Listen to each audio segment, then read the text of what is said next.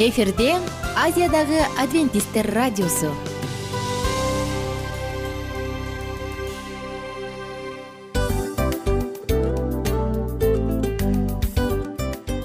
Достор салют. Баардык сүйүктүү угармандарыбызга салам айтабыз. Кутман күнүңүздөр менен. Ден соолук өмүрдүн булагы демекчи саламат саамы программасында баарыңыздарды көргөнүбүзгө абдан кубанычтабыз. Анда алгач амандашып өтөлү арбаңыздар деп. Ден соолугуңуздар кандай элибизде көбүнчө ден соолук кандай дегенде эле жакшы деп жооп беребиз э? ооруп турсак дагы жакшы дейбиз. Анан мен муну айтып ойлойт элем бул абдан сонун сөз депчи анткени бул жакшы деген үмүт да э ооба баары жакшы болот. Баары сонун. Деп үмүттөнүп атып эле өзүбүздү өзүбүз дарылап коебуз. Анысы кандай? Сиздин дагы ден соолугуңуз жакшы беш деген үмүттөбүз чындыгында ден соолук бул өмүрдүн булагы деп бекеринен айтылган эмес деп ойлойм. Кыргыз элинде анткени эгерде ден соолук жок болсо анда адамдын жашоосунда калган баардык керектүү маңыздуу нерселер өзүнүн баалуулугун жоготуп коет. Ошондуктан ден соолук бул эң керектүү нерсе. Ооба туура айтасың кесиптешим. Чынында ден соолугуң жок бир эки үч күн ооруп калсаң эле э кандай болуп калат? Жашоодо көз каранды болуп каласың көп нерсеге жетишпей каласың көп нерсени кыла албай каласың жада калса эшикке дүкөнгө да чыга албай каласың. Туптуура анан ден соолук болсо демек биз биздин бактыбыз тоодой деп койсок болот. Анда достор саламат саамы рубрикабызды баштайлы. Алдыда өзүңүзгө керектүү болгон сонун кеңештерди уга аласыздар. Мына ошондуктан биз менен бирге болуңуздар. Ал эми биз болсо милан жана айнура. Кеттик алга. Алга саламат саама ден соолуктун жарчысы. Саламат саама ден соолуктун ачкычы. Күн сайын сиз үчүн мыкты кеңештер сонун жаңылыктар кызыктуу фактылар биздин рубрикада.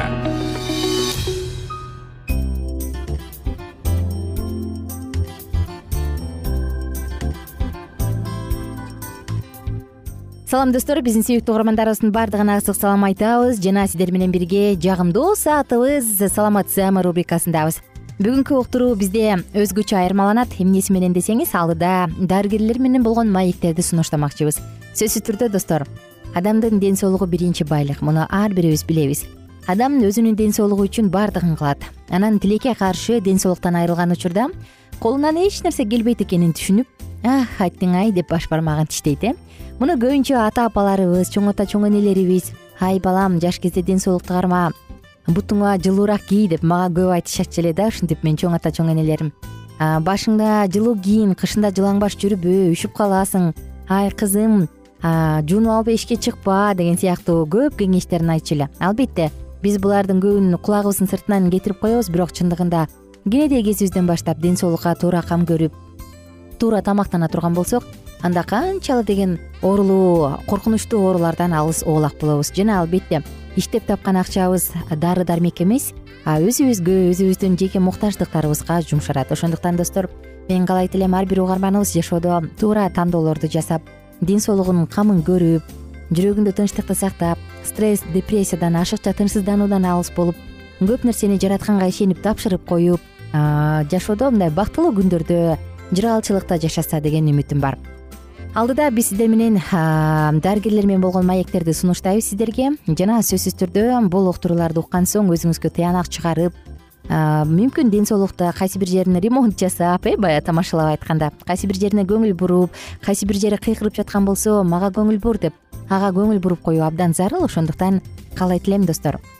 Оорубаңыздар өзүңүздөрдүн саламаттыгыңыздарга кам көрүңүздөр деп жана сөзсүз түрдө өзүңүздөрдү сүйүңүздөр деп анда алдыда сиздер үчүн жагымдуу маек жана сонун сонун маалыматтар. Булардын баардыгы сиздер үчүн.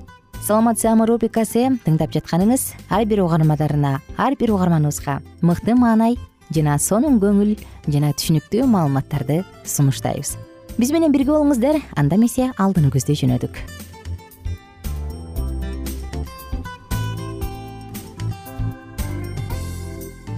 аты жөнүм айнура миназарова. Жана биз көрөрмандарыбыздан келген комментарийлердеги суроолордун баарын карап көрүп анан ушул кайрадан толук кандуу жооп бергенге аракет кылуу максатында дарыгерлерди төрүбүзгө чакыра баштаганбыз. Достор бүгүнкү суроо мындай. Биздин жыйырма күндүк кызыбыздын дагы ичи бир жумадан бери катып атат заңдабай жатат үй шартында эмне кылса болот? Рахмат алдын ала. Бул суроону жазган биздин ата эне көрөрманыбыз мен ойлойм жарга такалган кезинде анан жазса керек деп. Бул суроого жооп бериш үчүн эне жана баланы коргоо улуттук борборунун педиатр аллергологу төрүбүздө калия туратбековна саламатсызбы? Саламатчылык. Ден соолугуңуз маанайыңыз жакшыбы абдан жакшы. Чарчаган жоксузбу деги? Жок. Абдан кубанычтамын сиз менен көрүшкөнүмө анда суроо ушундай. Жыйырма күндүк кыз бир нече күндөн бери заңдабай жатат ичи катып жатат эмне кылсак болот жыйырма кичинекей бала жыйырма күндө боло болсо элек, бир э? ай боло элек андан кийин көбүнчө эмчек эметип да турабы андан башка эмнени эметмек эле ооба эмчек эметет бул биринчиден эмне кылышыбыз керек? Бул биринчиден апасын отургузуп туруп апасын сурашыбыз керек. Апасы эмне жеп атат? Ушу жыйырма баланы төрөгөндөн кийинчи кандай диетаны сактанып атабы же сактанбай элекпи анткени биз биринчи билишибиз керек да эмнеден кийин бала ошо бир жумадан бери заңга барбай жатат. Анткени биз мындай дарылап коебуз анан кийин бирок немесин билбейбиз да эмне буга алып келди да себебин. себебин билбейбиз да. Ошол үчүн бул жерде биз эмне кылабыз? Мамасына апасына туура диетаны түшүндүрүп беребиз. Көбүркү апалар үйдө отуруп алып сүттөп сүттөп чай ичишет сүттөн сүттөп чай ичсек сүт көп болот депчи. Ошондой Э, анан кийин бул миф. Анда азыр баарыбыз только сүттүү тамак жемек болчук да. Уй болуп калмакпыз Э, ошо. Андан кийин э, диетаны кармаш керек. Бул эмне бул уйдун эти койдун эти шорпо болот. Камыр тамак болсо камырды өзүңүз биринчи сорт же экинчи сорт э, ундардан жасаш керек аяка жумурка кошпош керек. Токтун эти мисалы үчүн болбойт. Анан кийин жанакы приправа соус специя кызыл тазыл эчтеке болбойт. Анан кийин дагы эмнени айтып кетейин? Көбүнчө анан ата энелер сурайт да эмне жесе болот депчи. Анан Э, кийин анан эмне жейм эмне дейт. Анан эмне ачка отура берем анан бала эмнени эмет кандай неметет чоңоет деп айтат. Э, котлета жасаса болот мисалы үчүн парга деле манты оромо пельмени андай деле жесе болот. Бирок камыр тамак менен көп деле мынтип ар бир адам э? күнүгө эмес да. Мындай разнообразие кылып неме жесе болот да. Анан жанакы кефирлерди йогуртторду деле көбүрөөк ичишет да. Ал ичти эмне кылат? Ал ичти көптүрөт и анан кийин ошол себептен бала заңга бара албай калат. Биринчи учурда бул апа менен сүйлөшүү апага туура диетаны түшүндүрүү анан кийин балким мамасы дагы эмчек берип атканда баланы туура эмес кармайт. Ал деле учурлар бар да. Балким бала эмчек энип атканда мына абаны жутуп алышы деле мүмкүн. Ошол үчүн ичи дагы көп да заңга көп барбай калат да. Анан үй учурунда кантип неметсе болот буну? Биринчи массаж. Ичин массаж жасаш керек почасовой стрелки деп коет да. Массаж э, анан кийин ичине мындай жылуу жумшак э, немелерди полотенцени алып деле мынтип байлап койсо болот да. Мындай сухое тепло э, курсагына неметип турупчу антсе деле болот. Анан кийин баланы дагы ичке жаткызыш керек курсагыначы чтобы давлениясы мындай түшүп бала осуруп заңга барыш үчүн дагы. Анан кийин кээ бирөөлөр бар го жанакы ушундой палочканы алып алып анан кийин аны самынга дагы ороп алып анан кийин неметип салып ант- ант- анткен эч кандай болбойт да. Антсе болбойт.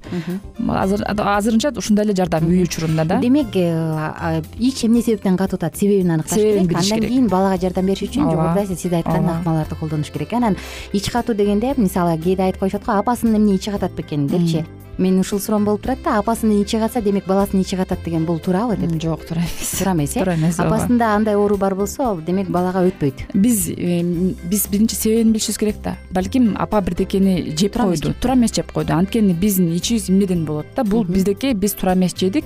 Ошол үчүн ал алып келди ичине көп утканына анан кийин заңга барбай калган учурга алып келет да. Ошол үчүн биз биринчи себебин билип туруп анан кийин а, уже та- тактап дарылаш керекпиз да баланычы жакшы. Э, убактыбыз абдан аз калды секундтар гана калды. Ошондуктан мен көрөрмандарыбызга кайрылгым келип турат. Эгерде сизге да сизде дагы ден соолукка байланыштуу суроолор бар болсо сөзсүз түрдө саламат клуб сайтынан биздин ушул видеонун ылдый жагына комментарий калтырыңыз алдый жагына. Биз сизге жооп бергенге аракет кылабыз. Жалпыңыздар менен кайрадан амандашканча сак саламатта туруңуздар. Аты жөнүм мен айнура миназарова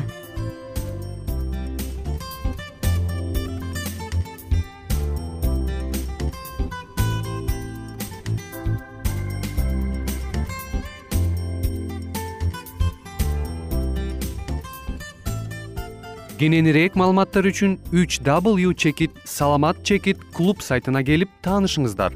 Жана андан тышкары социалдык тармактарда youtube facebook жана instagram баракчаларына катталыңыз. Саламат саама ден соолуктун жарчысы. Саламат саама ден соолуктун ачкычы. Күн сайын сиз үчүн мыкты кеңештер сонун жаңылыктар кызыктуу фактылар биздин рубрикада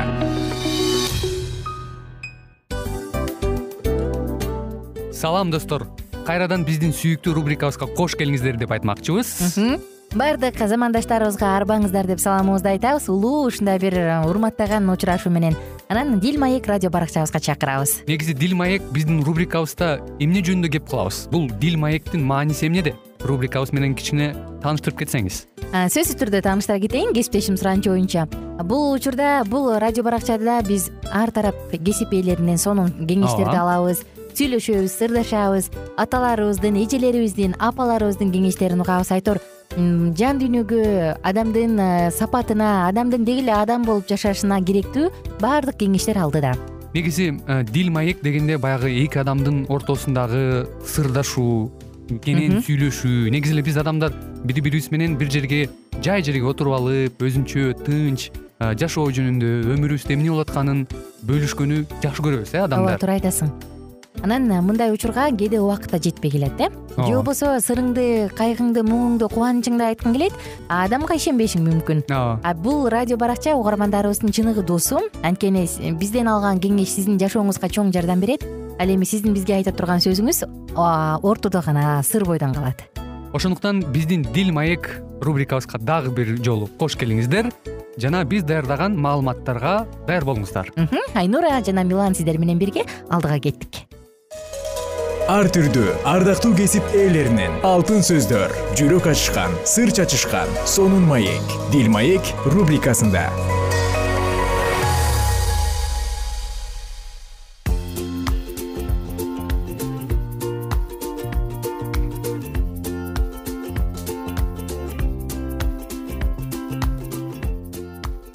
саламатсыздарбы ардактуу угармандар. Сүйүктүү радио биздин досторубуз. Жалпыңыздар менен кайрадан дил маек рубрикасын баштаганыбызга кубанычтабыз.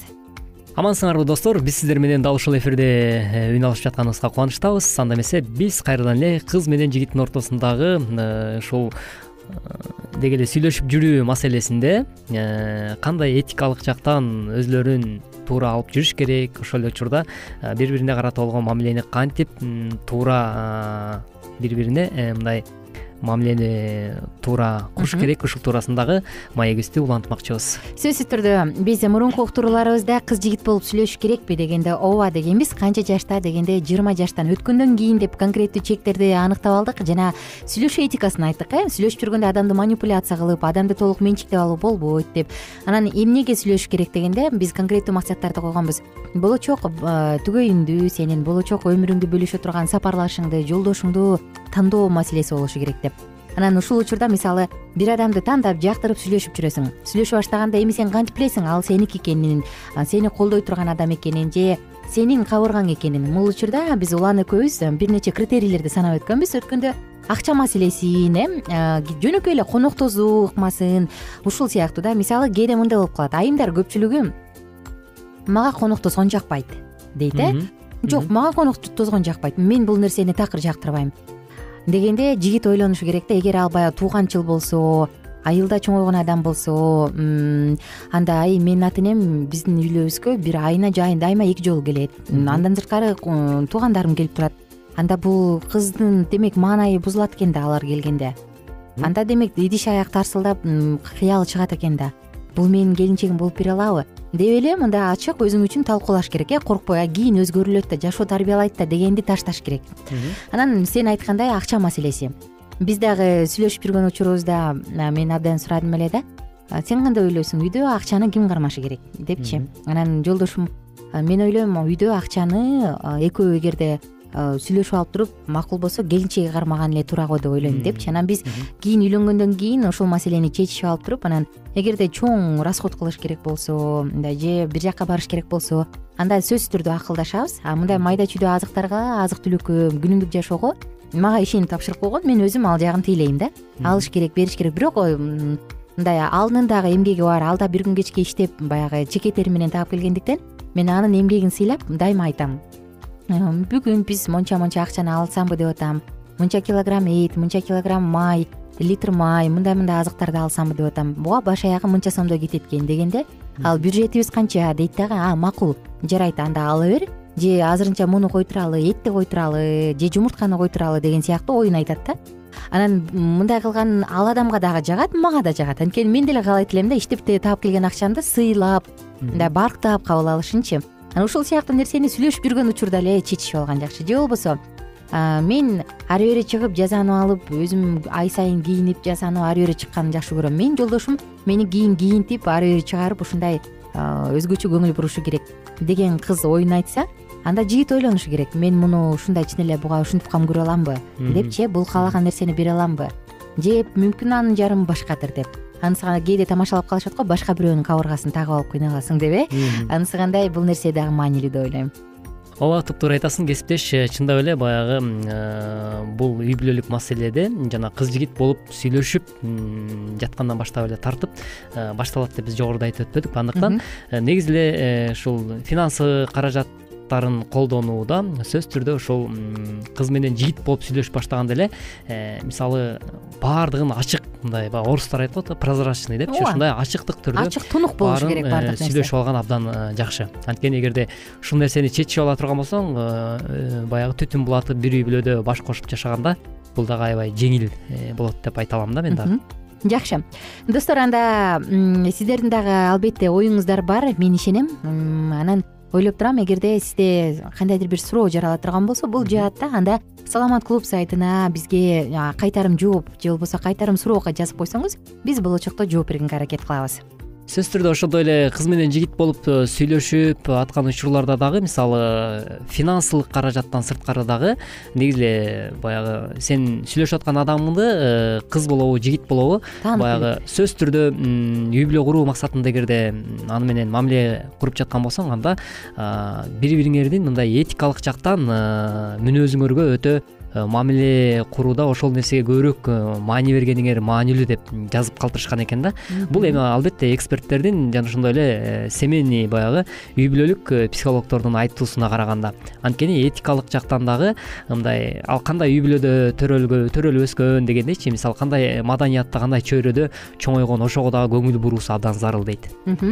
Мисалы жашообузда мындай болуп калды да менин иним чет элдик кызга баш кошом депчи анан баары кандай дейсиңер кандай дейсиңер дегенде көпчүлүк ой алардын менталитети башка андай мындай деп ар кандай айтып калышты. Да анан мен айтып атпаймынбы мага ал кызга жалко депчи. Мен ал кызга боорум ооруп деп. Ал эмнеге дегенде биринчиден таптакыр өзү баягы өлкөртүрмү дегендей көрө элек өлкөсүнөн келет таптакыр башка менталитет ата энесинен алыс болот. Азырынча сүйүүнүн көзү сокур. Бирок эки үч жылдан кийин баягы кадимки тиричилик жашоо башталганда баардыгы башкача болуп калат. Анан менин кызга боорум ооруп эгер сен дагы ал кызды аясаң анда жакшылап ойлон деп калдым да. Анысы кандай биз үйлөнүп аткан э, келинчегибиз колуктуубуз же турмушка чыгып аткан бала менен каяктан жашагыбыз келет? Кандай жашоону элестетебиз негизи эле келечекте жашообузду кандай элестетебиз бул нерсенин баардыгын алдын ала пландаштырган эле туура экен да. Ошондо кийин көңүл калуулар болбойт э мисалы э, жигитине ой мен жигитим мен сени кийинтем мен сени ичиндирем мен сени сонун кылып багам үстүңө үй астыңа унаа алып берем деп туруп бирок үйлөнгөндөн кийин таптакыр жок баягы чит түкүрүп эле диванда жаткан эркекти көрсө албетте көңүл калуу болот. Сен эркек экендигим сенин сөзүңө турат дегем дейт да. А эгерде жөнөкөй эле куруу убалар эмес ал иш менен коштоло турган болсо анда айым бактылуу. Достор биз соңку мүнөттөрүбүзгө келип калдык. Биз ушуну менен ушул сегментибизди жыйынтыктайлы албетте кыз жигит болуп сүйлөшүш керек бирок анын өзүнүн этикасын анын өзүнүн эрежесин жана чегин билиш керек. Жалпыңыздарга кааларым көңүлдүү күн жана бактылуу болуңуздар дейм кайрадан амандашканча анда. Сак саламатта калыңыздар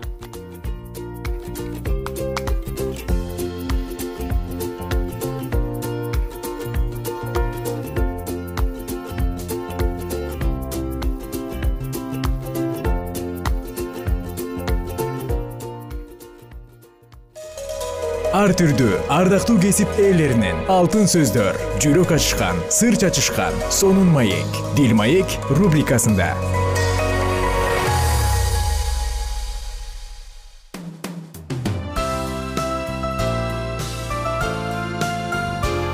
эфирде азиядагы адвентисттер радиосу.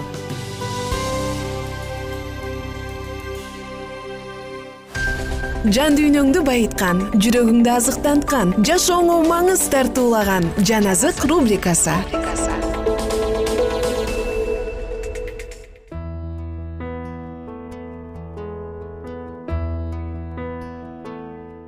кутман күнүңүздөр менен салют достор баарыңыздарга ысык салам айтып биз кайрадан дагы бир кийинки чыгарылышыбызды баштадык. Жан азык рубрикасына кош келиңиздер.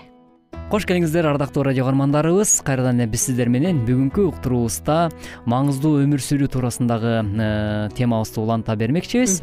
Кайрадан кызматыңыздарда мен улан жана кесиптешим мен айнура достор. Эмнеге менин атымды айткандан коркосуң я кесиптеш? Өзүңдүн атыңды айтып туруп эле токтоп каласың анан ыңгай сабалда калып каласың да ананчы. Жакшы. Дарс эркенин баары тамаша чындыкка жараша. Биз болсо жашооңуздун өмүр сүрүү маңызы өмүрүңүздүн жашоосун өмүрүңүздүн маңызы эмнеде? Мына ушул жөнүндө тема кылып жатканбыз э мурунку уктурууларда биз кесиптешибиздин сонун жоогун уккам мен баарыбыз уктук. Анан а деп туруп демек жашоосу эмне үчүн жашап жүргөнүн билдик. Эмне үчүн кийинип эмне үчүн тамак ичип эмне үчүн жашап жүргөнү белгилүү болду э?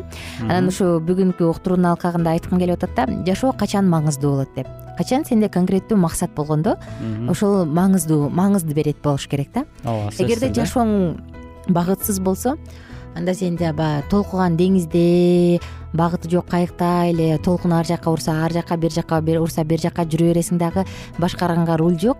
Каяка болсо ошол жакта жүрө бересиң го дейм э. Анан да анда мындай жашоо мындай коркунуч туңгуюк белгисиздик анан максатсыз жашоо билбейм кандай болот бирок өтө эле кыйын болуп калат го. Элестетиш кыйын го дейм мындай жашоону ооба туптуура айтасың чындап эле өзүң айтып өткөндөй эле баягы адамдын эгерде алгачкы э, ушул бул жашоодо эмне үчүн өмүр сүрүп жатканы туурасында бир багыты жок болсо анын максаты жок болсо сөзсүз түрдө ал жанагы шамал келип сапырып кеткен топурак сыяктуу болуп э, өзүң айткандай э, ары тийип бери тийип ушинтип өмүр сүрүп калат эмеспи. Анын алкагында ар кандай кыйынчылыктарга ар кандай бир себептерге дуушар болгондо адам анан чыгуу жолун таппай сөзсүз түрдө буга чейинки программада кесиптешим белгилеп өткөндөй эле өзүн өзүнүн жанын кыюу суицидке барышы толук ыктымал андан сырткары көптөгөн эми айтып атсак бул жаатта өтө бир чоң тема өтө бир чоң программа болуп кетиши мүмкүн ошондуктан э, кыскача бир сөз менен айтканда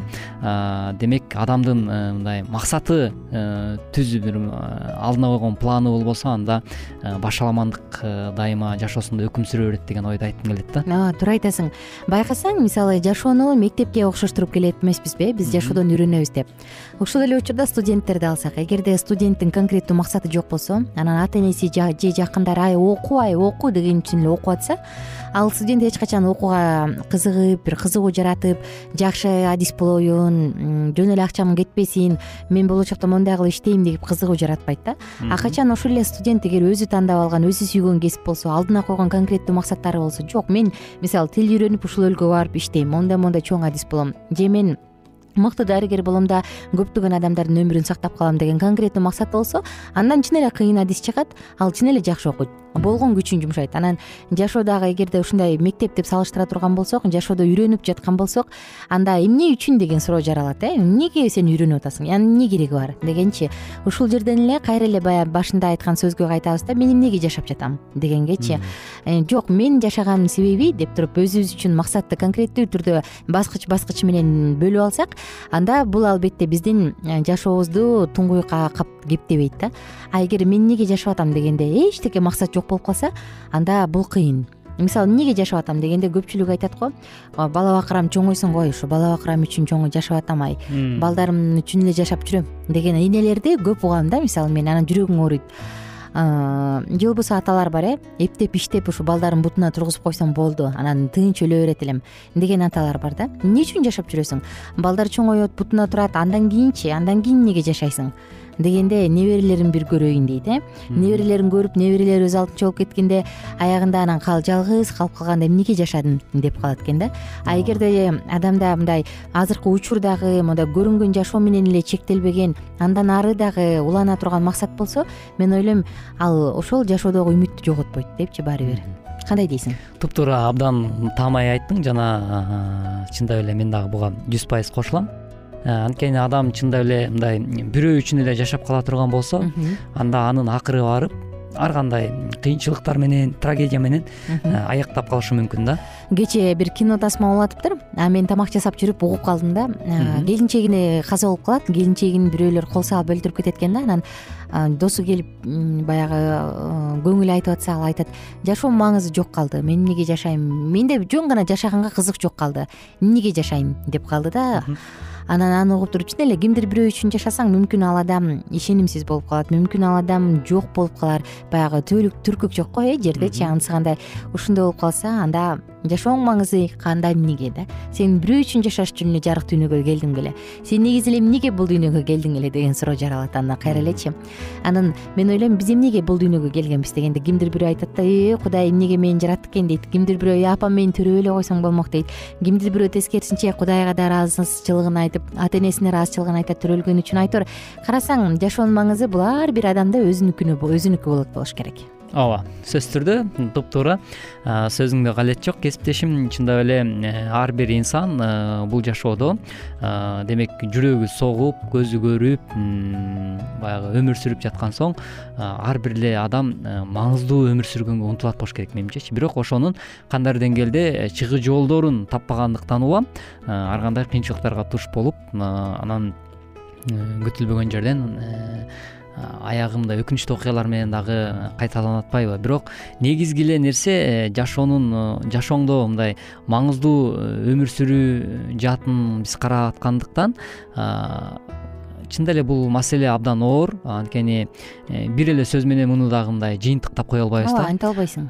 Айта албайбыз анткени бир багытты айта албайбыз. Э, моундай жашашың керек деп анткени ар бир адамдын тагдыры мисалы бири бирине окшобойт да. Мисалы ошол эле кесиптеш сен экөөбүздүн жашообуз бири бирибизге окшобойт дегендейчи сенин үй бүлөң өзүнчө э, атмосфераны камтыйт менин үй бүлөм өзүнчө атмосфераны камтыйт дегендей. Бирок бирок биз э, чындап эле э, маңыздуу өмүр сүрүүгө умтулуп ошонун үстүндө күнү түнү өзүң айткандай э, башында программанын башында айттың мен аналитикмин депчи анан аналитика жүргүзүп ошонун үстүндө ойлоно турган болсок сөзсүз түрдө биз жакшы мыкты мындай жемиштерге ээ боло алабыз деген мен ойдомун. Жакшы. Сонун ой айттың биз угармандар сиздер менен коштошобуз жана кийинки уктуруубузда ушул теманы андан ары улантабыз. Ага чейин сак саламатта туруңуздар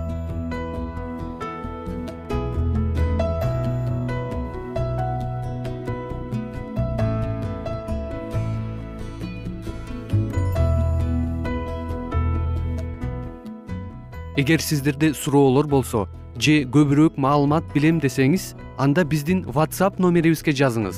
Плюс бир үч жүз бир жети жүз алтымыш алтымыш жетимиш. Кайрадан плюс бир үч жүз бир жети жүз алтымыш алтымыш жетимиш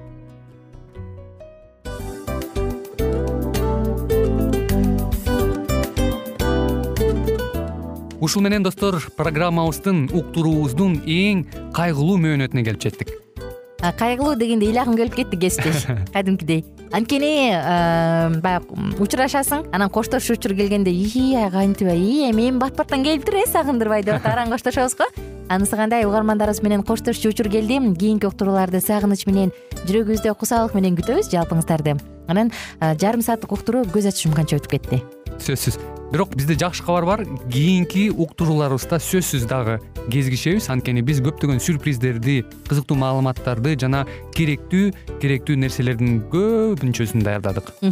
Андай угармандарыбыздын баардыгына ийгиликтүү күн каалайбыз эгерде бүгүнкү күнүңүз өзгөчө э, өтүшүн кааласаңыз анда позитивдүү ой жүгүртүп жылмайып жакындарыңызга жакшы маанай тартуулап жүрө бериңиз анткени сөзсүз түрдө мунун арты кайтат э? Сөзсүз. Баягы ден соолугуңа оңолот ал бул деп көп нерсени санап келебиз. Эң негизгиси бул сиздин жашооңузду жаркын кыла түшөт экен.